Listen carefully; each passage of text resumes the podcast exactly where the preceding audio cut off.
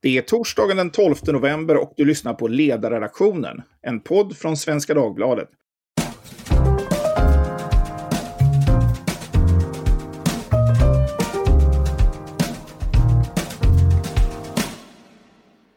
Jag heter Fredrik Johansson och idag kommer vi att prata om jämlikhet och rättvisa.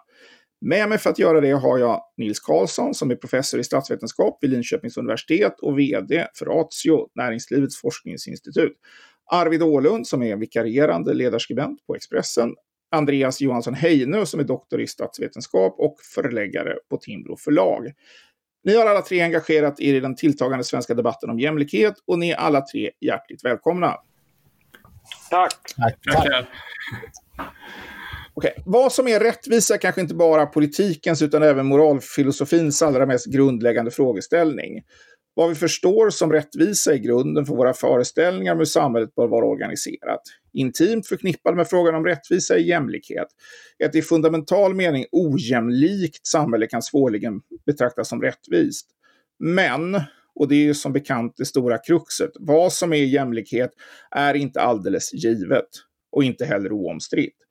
Att snävt likställa jämlikhet med ekonomisk eller annan likhet kan hamna i, kommer hamna i konflikt med hur vi ser på förtjänst och ansvar för våra handlingar.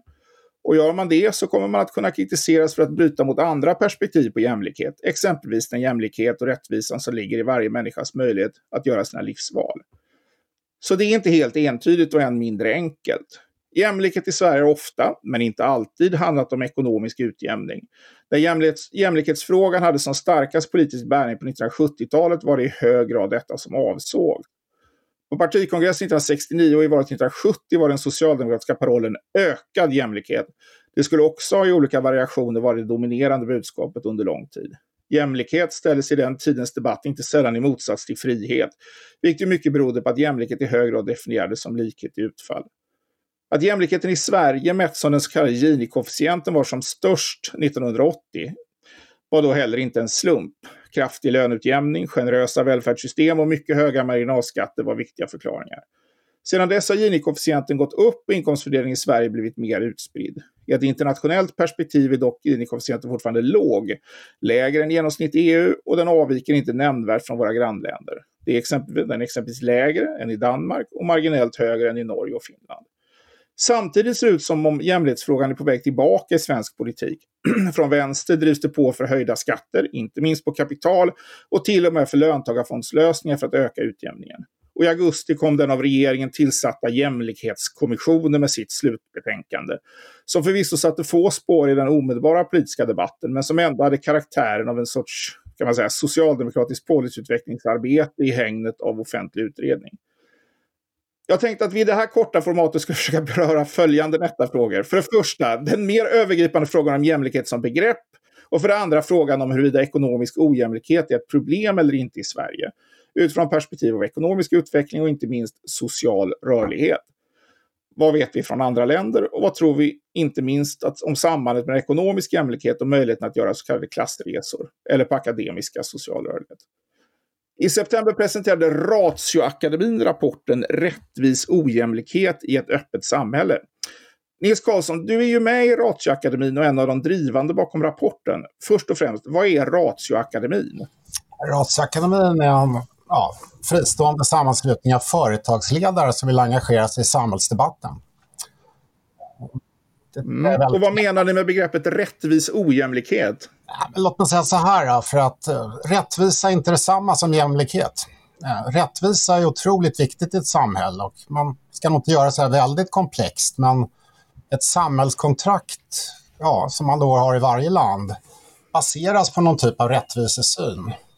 Och I Sverige har ju då en bild väldigt länge varit, som du beskriver från 70-80-talet åtminstone, att just inkomstutjämning, jämlikhet i, i meningen lika utfall, oavsett insats och risktagande och annat, ja det är rättvist. Det menar ju vi att det här är en felsyn och det här går inte förenligt med ett öppet samhälle med marknadsekonomi, demokrati, öppenhet, rörlighet och så vidare. Utan vi måste diskutera ett mer rimligt rättvisebegrepp. Och, då har vi ett, och ett sådant rimligt rättvisebegrepp är då mer, hur ser ett sånt rim, mer rimligt rättvisebegrepp ja, ut? har två ingångar här som jag tycker är centrala. Det ena är att rättsstaten är fundamental, alltså lika rättigheter. I den meningen kan man kalla jämlikhet också på något sätt. Icke-diskriminering. Rättsstaten, lag och ordning, det är det fundamentala. Det måste alla ha. Det ska inte vara så att vissa medborgare eller vissa som bor i det här landet inte har säkerheten. Det är djupt orättvist. Det andra vi säger det är att fokusera inte på lika utfall utan betona istället lika möjligheter och social rörlighet. Och då handlar ju skolan i fokus. Utbildningssystemets ja, utjämnande funktion kan man väl säga då, att eh, livschanser ska vara hyggligt lika. Och det politiken kan påverka det är ju som sagt utbildningen då. Så där finns också stora saker att göra. Så vår slutsats är att vi hamnar i att ska Sverige bli ett rättvisare land, det vi kallar möjligheternas land, då behöver vi stärka rättsstaten och utbildningssystemet. Andreas, hur ser du på det här? Det här är ju en klassisk eh, konflikt i synen både på rättvisa och jämlikhet. Men hur ser du på det här begreppet? Eh, kan man tala om rättvis ojämlikhet på det här sättet enligt ditt sätt att se det? Till viss del, det är ju väldigt mycket av det som Nils säger nu och som står i rapporten och så som jag håller med om. Det är ju eh, vettiga ideal, eh, rätt fokus tycker jag på, på, på eh, vilka frågor som är centrala och så. Det är väl en grej där jag tycker att, att man landar fel och det är ju så här att väldigt mycket i livet är ju eh, ojämlikt fördelat. Alltifrån hur mycket vi äger till eh, våra eh, livssituationer men också till våra grundläggande förmågor där vi föds med talanger. Jag skulle säga att det där är varken rättvist eller orättvist. Det är, det är liksom förutsättningarna. Rättvisan den handlar i hur vi hanterar det här. Eh, vi kan ha rättvisa eller orättvisa institutioner. Och så där är jag helt med på, det är det vi ska fokusera på. Det är det som, som, som bör vara kärnan i debatten. Men det, därifrån kan man inte, tycker jag, dra slutsatsen som man då gör att ett visst utfall faktiskt blir rättvist om det är ojämlikt. Då, då, då tycker man blandar ihop två nivåer. Vad är din kommentar till detta, Arvid? Uh, det är superintressant att lyssna på. Uh, spontant så är det tråkigt att säga, men jag håller med Nils om rätt mycket av det han säger. Jag tycker egentligen inte att det är särskilt kontroversiellt. Jag tror ingen är, tycker att annat än att skolan ska vara så rättvis som möjligt i bemärkelsen att den ska göra det enklare att göra klassresor. Eh, jag tror att i det, här, i det här sammanhanget, eller den här diskussionen i alla fall, så tycker vi nog alla ungefär samma sak i grunden. Det vill säga man skiljer på eh, jämlikhet i utfall och jämlikhet i möjligheter och idealet i jämlikhet i möjligheter. För att om man kör på utfall så går det oftast jäkligt illa. Eh, så. Eh, den intressanta diskussionen är väl snarare hur man får till jämlikhet i möjligheter. Och sen så skulle jag väl också säga att jämlikhet i sig är ett jävligt knepigt begrepp. Liksom.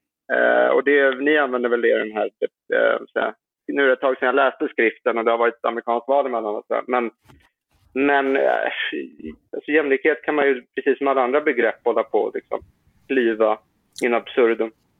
Men det är väl min initiala syn. Jag... Vad är din kommentar till det här, till här Nick? Om jag, jag, jag får komma in. Alltså det, mm. Jag tycker det är viktigt att man accepterar att inkomstskillnader, förmögenhetsskillnader kan vara rättvisa. Det finns ojämlik rättvisa, så att säga. Jag tror ingen tycker annorlunda i, den, i det här rummet. Men, men det viktiga är ju liksom att, att den politiska debatten, jag tycker både era kommentarer, Expressen och DN, visar att poletterna inte riktigt ramlat ner. Utan ni hamnar tillbaka till den här vänsterretoriken som säger att så fort det uppstår någon skillnad, då är den orättvis. Så är det inte, vill jag hävda. Då. Har de här skillnaderna uppkommit på ett ja, rättfärdigt sätt? Och det säger jag, jag, på det. jag vill bara säga att alla existerande skillnader har inte gjort det. Vi har inte en fungerande rättsstat, vi har inte en fungerande skola. Så det finns ju massor av skillnader i Sverige som är orättvisa. Det är extremt viktigt. Ja. Men givet att man fixar till ett antal grejer, då tycker jag att ja, då får vi acceptera det och det är inget fel. Tvärtom är det rätt så bra med ojämlikhet, givet att rättvisan finns. Du vill svara på det här Arvid? Ja. Mm. Nej, men så här, när jag läste den här skriften, den är, ju, den är ju uppdelad i två, egentligen tre delar. Den första delen som jag tror Nils har skrivit är helt klart bra och habil och intressant. Den andra delen som jag skrev någon drapa om handlade mer om att jag tycker att det finns en tondövhet. Jag menar, det var ganska uppenbart att du har ett gäng namnkunniga företagare som lever rätt mycket på att de är själva är tunga namn Eh, och så säger de saker som egentligen inte hade särskilt mycket med den ursprungliga skriften, det vill säga den första delen, att göra. Eh, det, jag, det, jag, skulle vilja säga eh, som svar på det Nils just sa är att, eh, och jag skrev en text om det här i Access nyligen, alltså, du har helt rätt i att eh, skillnader i inkomst kan vara rättfärdiga, men de kan ju också vara orättfärdiga. Det vill säga att i Sverige nu, om du har till exempel en sån som Daniel Ek som startade Spotify, det är, någon, det är något ljud där i bakgrunden. Ja, men i alla fall. Så här, om det, jag, jag har inga problem med att Daniel Ek blir snorrik på att starta Spotify. Eh, det jag har haft problem med i liksom den internationella debatten är ju snarare att det, det finns tendenser utomlands där man snarare ser att eh, ekonomiska skillnader har rätt mycket att göra med sånt som man då kallar för rent seeking och så. Eh, och då är de inte rättfärdiga och det tycker jag är en extremt viktig skillnad. Vi är ju inte där i Sverige än, men det, jag skulle säga att du säger att polletten inte trillar ner Nils, så att vi hamnar i någon sorts vänsterretorik. Det är ju direkt felaktigt, för att det, det du gör är ju att du inte skiljer på eh, eh, så att säga, ekonomisk ojämlikhet som kan uppstå på olika sätt. Uppstår den genom liksom hårt arbete och entreprenörskap och så här, fine. Uppstår den genom eh, eh, det som då debatten har handlat om de senaste tio åren internationellt? Nej, då är det ett större problem. Det är inte men, en men det här är vi väl, ursäkta avbryta, men det här är väl vi i grund och botten tämligen överens om. Men den intressanta frågan är ju, alltså, är, är ju om system... Vad sa du? Det är ju inte vänsterretorik. Ja, det beror, ja, det beror väl på det. Men det men, ja, Låt mig ge ett annat exempel. Uh, det var inte så länge sedan där man, man fattade ett beslut i Sveriges riksdag om att man skulle sänka marginalskatterna. Den så kallade värnskatten som infördes temporärt på 90-talet sänktes eller avskaffades med 5 procentenheter. Där gick även eh, ledande moderata företrädare, Elisabeth Svantesson, ut och sa att det här är orättvist. Vi måste kompensera låginkomsttagarna för det här. Eftersom det här bara gynnar då ja, de med lite högre inkomster. Det är ett typexempel på där man, där man har liksom köpt då en, en, en definition av ett väldigt för samhället grundläggande begrepp runt rättvisa som i grunden djupt problematiskt. Det är egentligen två parallella diskussioner, men det är möjligt. Jag är väldigt influerad av det som har liksom diskuterats utomlands och jag skriver fullt under på att problemen inte är särskilt stora i Sverige. Eh, men jag, jag, kan tycka att det finns en viss tondövhet inför det som sker utomlands, att man liksom inte tar det i beaktande tillräckligt. Det är väl min poäng. Men hela grejen här, när vi trycker så hårt på rättsstaten, är ju att det du pratar om, crony capitalism och korruption och annat, det är ju liksom det, det är nummer ett som man måste stävja. Och det vill jag ja. nog jag tror inte de här, är, de här, jag vill säga det med en fas faktiskt, att de här företagsledarna, de är inga filosofer naturligtvis, då, men, men deras instinkter är otroligt sunda. Alltså. Ja, det är bra att veta. Men det, nu råkar de vara... Det är, det är ju men, folk som har ganska djupa försänkningar i politiska partier. Så, så jag vet inte om men jag riktigt men det, ja, det. Nu är inte de här och, här och försöker, vi, vi diskuterar du den här skriften och inte de här personernas försänkningar eller ens Moderaternas synpunkter på den avskaffade värnskatten. Men det är väl, det är väl två, det är, det är flera delar här som jag tycker är intressant. Den ena rör ju, och där är vi ju överens, att det är klart att om systemet är riggat och att det är upplagt för olika former av rent seeking och att eh, eh, det ekonomiska politiska systemet eh, inte i sig är rättvist. Det är klart att utfallet heller inte blir rättvist. Men det är den ena delen. En invändning som då Andreas har i sin artikel i DN handlar ju om en mer djupare fråga då om huruvida, eh, huruvida man väljer hur mycket det egna valet egentligen spelar roll här. Du skriver så här. En oförsvarligt stor andel av ojämlikheten globalt, nationellt, lokalt beror på faktorer bortom den enskilda individens kontroll. Vi väljer inte våra föräldrar, vi väljer inte våra uppväxtvillkor, vi väljer inte våra förmågor, vi väljer inte de förutsättningar under vilka vi fattar livsavgörande beslut. Och det här är ju en klassisk kan man säga, rawlsiansk eh, ingång för, eh, för synen på rättvi rättvisa. Eh, frågan är alltså, du kan, kan utveckla det lite grann och inte minst svara på frågan, liksom, vad drar vi gränsen? När är det vi själva som väljer och när är det våra förutsättningar som väljer åt oss? Eh, det är ju eh, extremt svåra eh, frågor att besvara, men jag tycker ändå att det är där man måste börja någonstans. Eh, och det, på den punkten håller jag med Arvid när han kritiserar rapporten och kanske framförallt debattartikeln kring den för att vara tondöv. För den hade resonemang av typen den som anstränger sig förtjänar mer än den som konsumerar upp och tittar på film ungefär. Va? Och, och det, det där förklarar ju väldigt, väldigt lite del av den reella ojämlikheten i samhället. Där vill man förstå, så här, det är en diskussion då, varför har vi ojämlikhet? Hur, hur, oavsett hur stort problem vi värderar eller inte.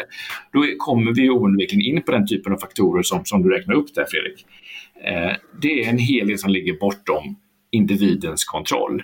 Eh, det betyder ju inte att, frågan är då vad är slutsatsen? Det betyder ju inte att samhället vare sig kan eller bör korrigera eller jämna ut utifrån de här olika förutsättningarna.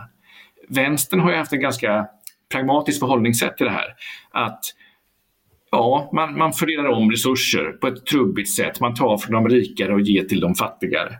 Eh, inte för att man tror att det i varje individuellt fall är rättfärdigt, men att det på det stora hela gör det lite jämnare. Va? Då behöver man inte heller göra så mycket åt orsakerna, för man kan alltid kompensera i efterhand. Det, det så säga, högersvaret är mycket, mycket mer krävande. Om man har meritokrati som ideal om man betonar de lika förutsättningarna ja, och, och utifrån det då vill legitimera ojämlikhet i utfall, då är det ju oerhört höga krav på att också nå dit, att jämna ut den här spelplanen. Eh, och det är ju, skulle säga, politiskt eh, svårare än den traditionella vänsterpolitiken. Eh, så att, så den, den, den, filosofiska frågan, det, det, är ju, det är ju en sak. Eh, och de politiska förhållningssätten till det är en annan. Man kan inte man kan heller inte eh, låtsas som att, som att eh, som den, det ena inte existerar. Va? Man kan inte... inte för... Ja, men jag tänkte bara, bara säga det, för du, Andreas, jag tänkte spela in dig med det, eh, en ingång här från det Andreas skriver. Du skriver så här då, Andreas, att och den höger som menar allvar med ett proceduriellt rättviseideal måste inse hur radikalt idealet är och vilka uppoffringar som faktiskt krävs för att nå dit. Jag tänkte spela in, spela in Nils där. Är, är ert program tillräckligt radikalt för att kunna motivera ett proceduriellt rättviseideal? Ja, vi har Eller är det, är, är det skolan som är center här? Vi har inte bara ett proceduriellt, men nu kanske du menar Rawls eller någonting sånt där. Men, men vi har ju en diskussion där vi försöker diskutera den här gränsen. Eh, den är ju väldigt svår att dra. Alltså hur mycket är såna här omständigheter som individen kan in, inte kan påverka och vad är det individen kan påverka? Och jag tycker inte att det är en vulgärdebatt att säga att hur man lever och hur man konsumerar och hur mycket man studerar och sådär ska inte påverka utfallen utan det påverkar utfallen väldigt, väldigt mycket. Det visar ju all forskning allt runt vilka, ja, hur långsiktig man är och hur man konsumerar, om man spenderar sina pengar på spel och dobbel eller om man gör något annat. Så är det. Men med detta sagt då, alltså vad drar man gränsen? Det här är ju svårt. Vi landar i att statens uppgift är att tillgodose ett grundläggande socialt skydd för alla och en utbildning av hög kvalitet för alla. Alltså andra saker som det här med eget driv och gener och ja, även familjebakgrund är väldigt svårt att påverka. Och vi kan inte ha ett samhälle där man liksom hela tiden ska skyffla om grejer för att återställa någon sorts jäm, ja, jämn spelplan för alla. Leveling playing field som de säger internationellt. Det, det funkar inte. Man måste tänka vad är politiskt möjligt att påverka och vad är rimligt utan att förstöra incitamenten till utbildning, till ansträngande, till risktagande och sådana här saker. Men det håller jag med om och därför tror jag inte man kan renodla de här idealen fullt ut. Man, man kommer även från ett högerhåll alltid vara tvungen att acceptera en del omfördelning eftersom man inte kan få den här jämna spelplanen. Men dina exempel där, de är ju helt rätt. Det spelar roll om man utbildar sig eller inte, men varför gör man de valen? de sker ju inte heller i ett, eh, liksom under, under helt likartade förutsättningar. I så fall skulle vi inte se skillnaden mellan om man är förstfödd eller tredje barnet i en familj. Eller om, vilken tid på året du är född och så. Eh, Men det, det blir, blir, det inte, blir det inte... Man hamnar i en regression, så att säga. Liksom, vad drar, det, det är ju den som är den stora frågan. Vad drar man gränsen för det, det man kan påverka? Det håller, helt, det håller jag helt med om. Det gläder mig. Men, men, men, vad, är din, vad är din kommentar till... till, till alltså det, det, Nils är ju inne på det, att det är klart att man måste dra den här gräns, gränsen någonstans. Och det är klart att, att även, även driv kan ju uppfattas vara, vara orättvist fördelat eller, eller andra typer av talanger. Att man är en tre, trevlig person eller, liksom, eller har ett... Eh, Om man kollar blir, här... ja, ja. Okay. blir inte det här väldigt filosofiskt? Alltså det, du kommer ju fastna där. Till slut, du vet ju inte ens vad det är som spelar roll. Det blir bara, alltså, det är ju roles liksom. Vi kan diskutera det i evighet, men är det, är det liksom det vi, som är intressant? Men jag tror man kan, man kan landa på två ställen här. Det ena är att man kan, man kan eh, så att säga, acceptera att nej, det är så oerhört många faktorer bortom vår kontroll. Det är också otänkbart att politiken ska justera ens en, en, liksom, en, en stor del av detta. Vi får bara liksom, acceptera att så här ser det ut. Eh, men det gör också att man ska vara försiktig när man pratar om att man har förtjänat så att säga, den, man hamnar i, i liksom, på den mest gynnade halvan. Va? Eh, att man, Men eh, Andreas, mm. Andreas, jag bara frågar. Rawls, alltså, du kan väl hålla med om att till slut så blir det ju liksom godtyckligt. Alltså, all, ingenting är ju till slut har man gjort sig förtjänt av. Eh, liksom, om jag är... Jag vet, det, det, är så otroligt många faktorer man inte kan påverka. Eh, och jag, jag, håller med om att det blir en regression, men jag vet inte, jag, jag, det vore intressant att diskutera själva skriften och det som stod där. Vi, kom, vi, kom, vi, kom, vi kommer dit. Lugn och... kan, jag, jag komma in här? Jag tänkte, jag tänkte att av, den här, jag, åtminstone försöka sluta den här mer moralfilosofiska lektionen genom att ge Nils sista ordet i den, i den, i den delen. Låt mig säga det, vi har ett viktigt resonemang i den här skriften som handlar om att det är väldigt svårt att säga på samhällsnivå att man är förtjänt av en viss inkomst. Det handlar en otrolig massa om tur och timing och allting. Det vet ni själva. Kolla på de här som har blivit superrika på digitala spel och allt vad det är för någonting. Ja, de råkade vara där och råkade ha de här kompetenserna vid ett visst tillfälle. Men ja. medan andra, precis lika förtjänta människor, gjorde en jättefin insats på något annat område och inte alls fick de här förtjänsterna eftersom efterfrågan av skäl inte råkade finnas. Så att det här med och det här är ju det som Sandell och andra är inne på också, det här med meritokrati är inte lösningen. Det är inte det vi säger här, utan skillnader kommer att uppstå i ett öppet samhälle eftersom det är marknader, det är konkurrens, det är globalisering, det är alla möjliga saker som pågår där som inte går att förutsäga. Och då får vi leva med det och det är okej att det är så. Det är rättvist att det är så i många avseenden, även om det kanske inte alltid är förtjänt. För det uppkommer rättvisa regler och rättvisa möjligheter. Vi ska gå vidare här i den här, den här, diskussionen. Jag tror att man kan ägna just den här frågan, skulle vi nog kunna ägna ytterligare några timmar till. Men jag, Arvid, du skriver ju om det här i en artikel i Expressen där, där du framför ett argument som snarare tar sig utgångspunkten i, eh, i, den, i, förde, i fördelningen. Du skriver så här, eh, att eh, eh, att man inte tar nästan ingen hänsyn tas till empirin. Eh, den är möjligen obekväm men i själva verket solklar.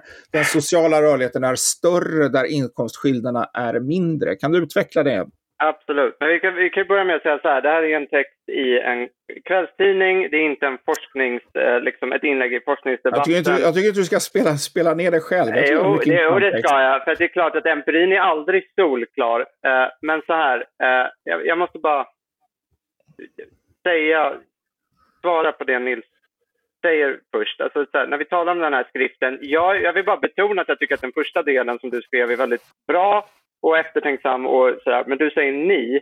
Problemet med den här skriften är ju att den andra delen liksom tar den första delen och, och börjar diskutera helt andra saker som jag inte riktigt eh, förstår vad, vad det har med saken att göra.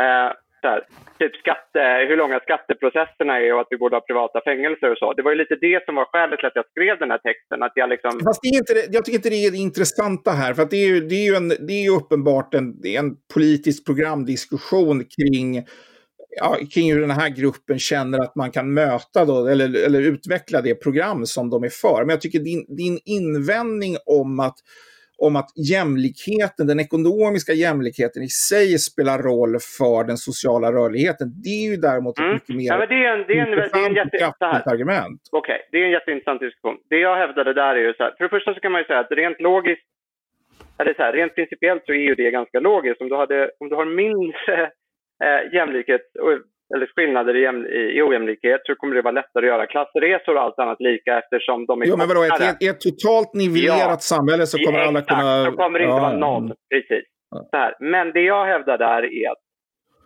eh, om man tittar på empirin, eh, och då menar jag framförallt, då tittade jag på vad var det, World Economic Forum och OECD och den eminente Caspian Rebinder eh, påpekade väldigt mycket att eh, World Economic Forums eh, index inte var särskilt bra för att det gick rundgång i det. Sådär. Men, men min enkla poäng för Expressens läsare på 3200 tecken var att eh, här har vi ett gäng som säger att vi måste ha fler eh, klassresor, vi måste ha mer social rörlighet i Sverige. Och så, och så föreslår de en politik som mer liknar länder som ligger långt efter oss på de liksom, stora kända listorna. Eh, det finns ett glapp där. Det vill jag lyfta om vi vill ha fler eh, klassresor i landet, varför ska vi göra som länder som ligger 15 placeringar efter oss? Det är min enkla poäng. Vad är din kommentar till Arvids enkla poäng, Nils? Jag tror han empiriskt har rört ihop det lite grann. Alltså det finns ju en starkt samband som är väl dokumenterat internationellt som kallas The Great Gatsby Curve. Det kan ni googla om ni är intresserade som handlar precis om det här. Och det säger ju att det finns ett samband mellan ja, inkomstskillnader, då, jämlikhet och social rörlighet. Det finns ett sådant samband. Eh, men det betyder inte att det inte finns länder som inte riktigt passar in i den här bilden. Och, eh, man kan nämna då länder som Australien och Kanada. Det är länder som har en annan typ av välfärdsstat än Sverige. De har hälften så höga skatter. Eh, välfärden är mer selektiv och så vidare. Eh, de här länderna har so social, hög social rörlighet trots att de har då relativt Sverige höga inkomstskillnader och, och, och ojämlikhet i den meningen. Problemet är att du vänder ju på det. alltså... Vi ska inte sträva efter, vi ska inte sträva efter länder som, vi ska inte jämföra oss med de dåliga länderna, vi ska jämföra oss med de som är bra. Vi ska ju lära oss någonting i den här processen, tänker jag. Berätta hur han vänder på det, Arvid. Ja, nej men så här. Uh, det är klart att om Nils vill uppnå vissa saker som de facto inte är klassresor eller social rörlighet, utan för att han tycker att det är bra med fri företagsamhet och låga skatter. Och så letar han efter de länderna som har det och där den sociala rörligheten är ganska hög. Det är ju inte samma sak som att utgå ifrån var den sociala rörligheten är Men... hög och sen leta sig fram. Alltså så här, det är fullständigt rimligt att tycka det Nils tycker, men jag tycker inte att det är intellektuellt det är helt övertygande. Alltså så här, men om man den, tittar på... Men, men vänta, man, Fredrik, vänta.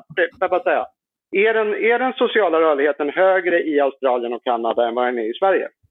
De har ungefär samma. Enligt, enligt den variant av Gatsby-kurvan som är med i World Economic Forums rapport som du själv hänvisar till så har Nya Zeeland, Australien och Kanada har ungefär samma sociala rörlighet som Sverige med lägre så, ekonomisk jämlikhet. Så vad är problemet? Tyskland har lägre...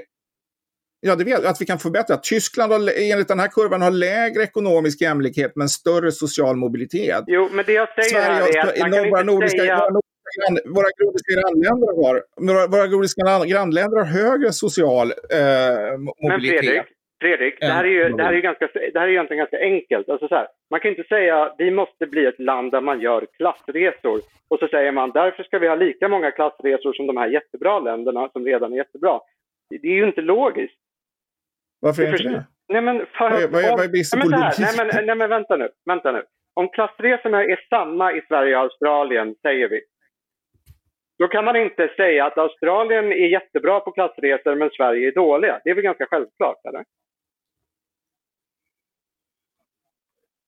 Nej, ni säger att Sverige ska bli ett land där man gör klassresor. Och då säger jag att Sverige är ett land där man gör klassresor. Låt, låt Nils, låt Nils, Nils svara på det. Hur beskriver ni... För jag har också läst den här rapporten och min bild är att ni ändå beskriver den sociala rörligheten i Sverige som ganska betydande. Ja, men vi, vi går ju igenom den forskning som finns och den är ju inte enkel utan det här är ju rätt komplicerade saker då runt lika möjligheter och utfall och alltihopa det här. Då. Men vi kom ju fram till att Sverige är ett land som ligger i topp när det gäller social rörlighet. Och förklaringen till det, det är att skolan länge var bra i Sverige. Och det är skolan som är det avgörande. Det här är ett viktigt underlag för varför vi betonar skolan så otroligt hårt. Eh, sen finns det ju utmaningar som ni vet på det här området nu. Så att det här är ju det är vårt fokus. Vi säger att Sverige, Sverige är utmärkt när det gäller social rörlighet, men det gäller att bevara det här och utveckla det.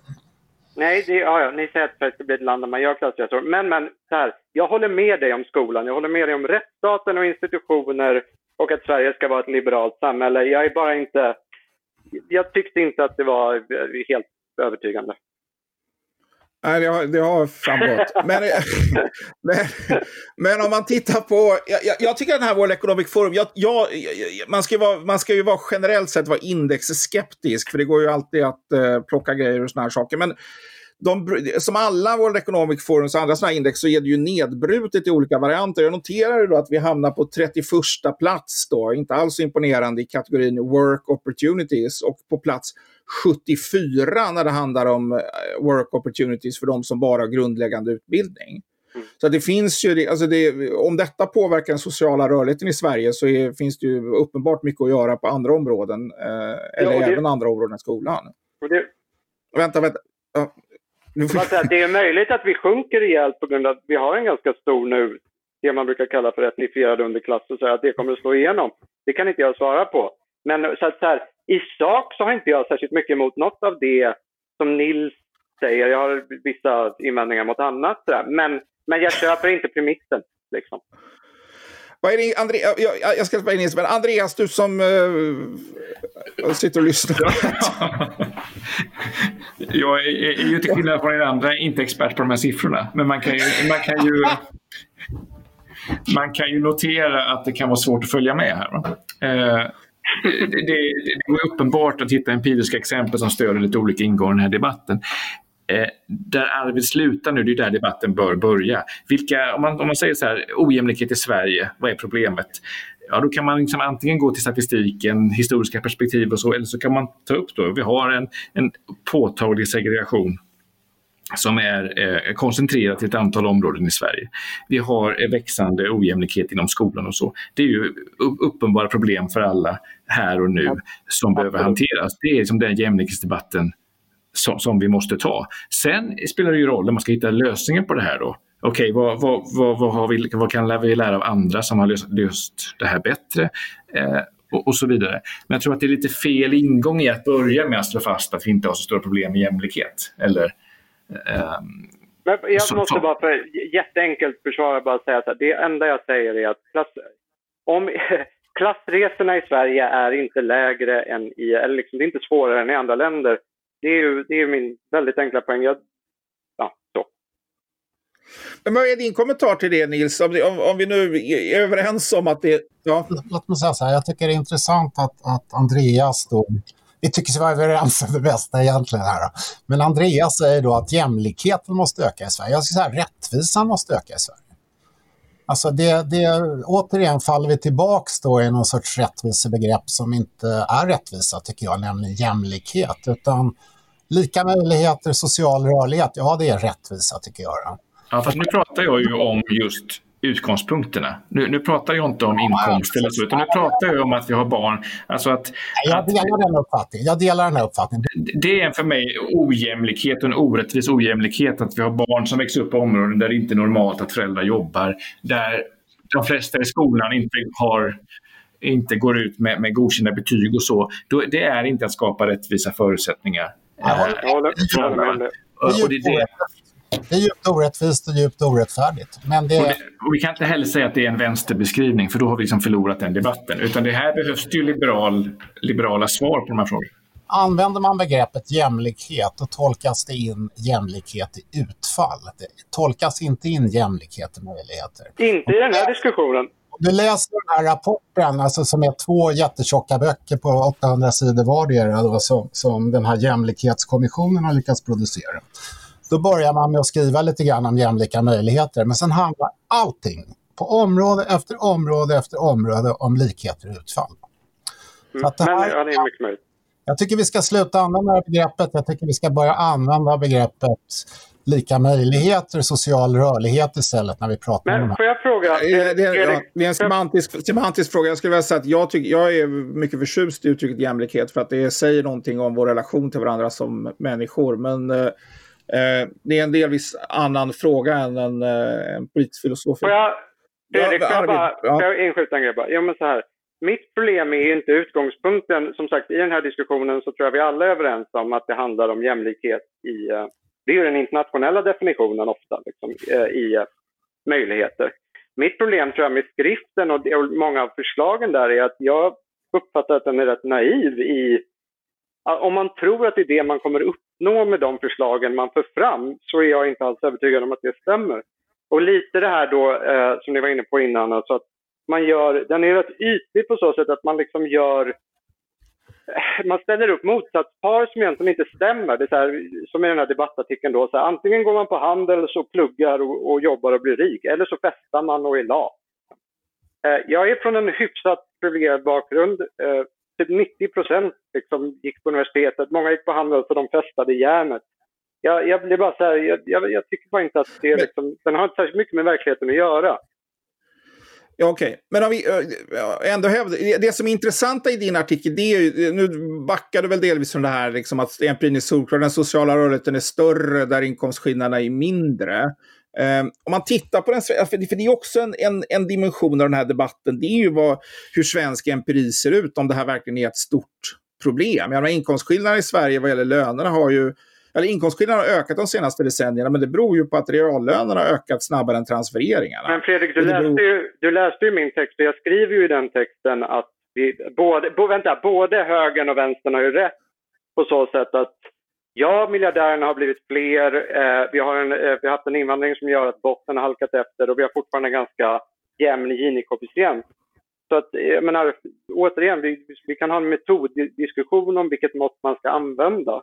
Ja, men, det är ju intressant i den meningen att det är den här, det är den här politiska, den här empiriska bakgrunden används som ett argument för att, för att propagera för olika typer av höjda skatter eller ännu mer drakoniska in, ingrepp liksom i, i, i ekonomin. Och mycket av det här stämmer ju inte. En viktig förklaring till att vi har ökad, löne, eller ökad inkomstojämlikhet har att göra med bostadsmarknaden. Ja, nej, absolut. Alltså det, absolut. och det är ju, så att det är ju en, ju en, delvis en pseudo. se- Vi har fler, vi, absolut, vi har fler miljardärer. Men 40 Men nu har du inte, av du, men nu har du ju inte bjudit in Daniel Suhonen till den här diskussionen heller. Liksom. Jag, Nej, det är, det är sant. Han kanske, Alltså, det, kanske, det kanske hade behövts för att driva Ja. upp den. Men, eh, ja, eh, men ska, om vi, om vi sammanfattar... Får Ja, bara empirisk observation här. När det gäller löneinkomster så är det helt oförändrat i Sverige. Det har inte skett Ja. några skillnader alls. Förutom att kvinnors inkomstskillnader har ökat. Och det här är ju någonting som i grunden är väldigt positivt. Det betyder att fler kvinnor har blivit chefer. De har eh, fått bättre avkastning på sin utbildning och gör mer karriär. Det tycker vi, jag tror alla tycker är positivt. Va? Men när det gäller män så har snarare inkomstskillnaderna minskat. De kanske inte förtjänar ökade löner, vad vet jag. Utan inkomstskillnaden är ju just de här ja, utanförskapsgrupperna helt enkelt. ja. Alltså, Men man- får jag, Jag, jag, jag, får jag komma in här? Jag, Vänta, vänta, varsågod Andreas. jag tror så här, det finns inget läge där man från vänster kommer säga att ja, men nu har vi så pass eh, rimlig inkomstspridning i Sverige, vi behöver ingen utjämningspolitik. Det kommer alltid finnas de som från vänster tycker att vi måste ha mer progressiva skatter för att jämna ut mer för att vi har för stor ojämlikhet. Det är, liksom, det är ju definitionen av att vara vänster, att, göra den samhällsanalysen. Det är som att vara sverigedemokrat och man kommer aldrig tycka att det, att det är för, lite, för många invandrare. Eh, men det, det, här måste ju liksom liberala röster eh, rita upp ett utrymme och göra en egen problemformulering eh, av vad är problem, vad är inte problem. Och därför är jag i grunden jättepositiv till den här rapporten som drar igång den här. Även om jag inte gillar begreppet och vissa av, slutsatserna så, så är det precis en sån här diskussion som behövs. Att, att, eh, att ge andra berättelser, andra analyser av någonting som har varit vänsterns hemmaplan. Bra. Eh, om vi ska försöka avrunda det här. Eh, om man börjar, ja, är, tror ni att den här frågan kommer, om vi går varvet runt, tror ni att jämlikhetsfrågan kommer att få större plats i svensk politisk debatt? I, i, de, i, de, I det här perspektivet eller i perspektiv av att det kommer bli en defensiv mot en vänster som kommer att eh, använda den empiri som finns för att kräva höjda skatter på, eh, på arbete, kapital och sparande och så vidare. Om vi börjar med eh, dig Andreas, kommer jämlikheten att vara en stor politisk fråga i Sverige under de kommande åren? Det är inte helt givet på det korta perspektivet. Då tror jag kanske att eh, alltså, makroekonomi, ekonomisk kris, arbetslöshet, eh, brottslighet kommer att övertrumfa. Det, det jag vill se det är ju en höger som har med sig det ekonomiska perspektivet man pratar om segregation och integration. Att det inte blir för mycket kulturförklaringar och eh, symbolpolitik utan att man faktiskt försöker formulera eh, svar på liksom, den materiella delen av segregationen. Eh, men jag är inte säker på att man kommer lyckas. Min, jag är ganska osäker på hur, hur stor frågan kommer att vara framöver. Ja, det är ett utmärkt eh, ämne för en annan podd det här med ekonomi kontra kulturkrig. Eh, Arvid, vad säger du? Kommer det här bli en stor fråga i svensk politik under de kommande åren? Ja, det tror jag. Eh, alltså, det här är ju ytterst är det en konsekvens av globalisering och Sverige är och ska vara ett öppet land. Liksom. Så att, eh, sen kan man diskutera hur mycket politiken har format utfallen sådär, men det är klart att eh, det är klart att det, att det kommer vara en viktig fråga. Och eh, jag vill säga min, eller bara en inskjuta, har man bott utomlands liksom några år så här så börjar man fundera rätt mycket på, i min uppfattning, det gäller rätt många man liksom pratar med, att Sverige på många sätt är ett ganska välfungerande land och det finns väldigt det finns väldigt mycket som man liksom kanske inte tänker på men som man inser är väldigt bra med ett land där, där inkomstskillnaderna inte är så jäkla stora som de är i uh, till exempel Hongkong som jag skrev om och sådär.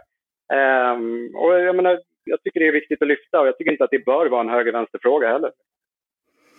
Vad säger du Nils, kommer jämlikhetsfrågan i, i, ja, i dessa olika tappningar vara stor i svensk politik? Eller hoppas du på att den här, er, er definition av rättvisa kommer att ha mer framträdande roll i svensk politik? Jag tror att ska borgerligheten i vid mening, den liberala borgerligheten, kunna formulera ett bättre fungerande samhällskontrakt, då måste de på allvar ge sig in i de här normativa diskussionerna och försöka erövra ett rättvisebegrepp som inte är detsamma som vänsterns definition av jämlikhet som lika utfall.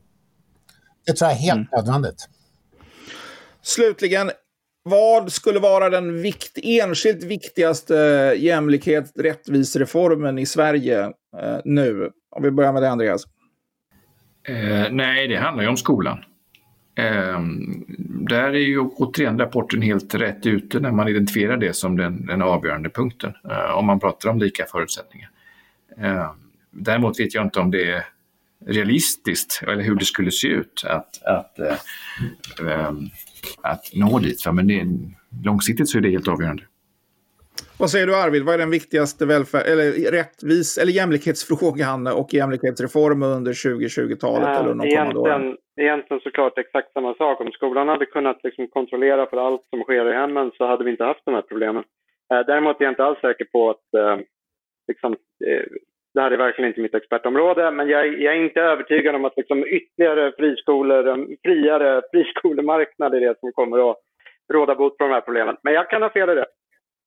Det är en mer praktisk fråga hur man når dit så att säga. Men det, ja, eh, Nils, vad säger du? Vad är den viktigaste saken vi kan göra för att stärka, i ditt fall, rättvisan i Sverige? Föregående talare att kvaliteten i skolan, eh, inte minst de kommunala skolorna, eh, är otroligt viktig. Och där kan friskolorna bidra till att öka det här.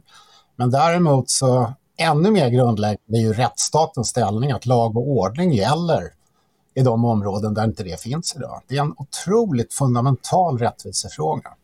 Håller helt med. Den, den behöver man hantera akut. Okej, okay, så att i, det, I denna känsla av betydande endräkt så kan vi då avsluta det här. Jag har ju livat det här får jag säga. Ni har lyssnat på Ledarredaktionen, en podd från Svenska Dagbladet. Vi har idag pratat om jämlikhet. Med mig har jag haft Nils Karlsson som är professor i statsvetenskap vid Linköpings universitet och vd för Ratio, Näringslivets forskningsinstitut. Arvid Åhlund som är vikarierande ledarskribent på Expressen Andreas Johansson Heiner som är doktor i statsvetenskap och förläggare på Timbro förlag.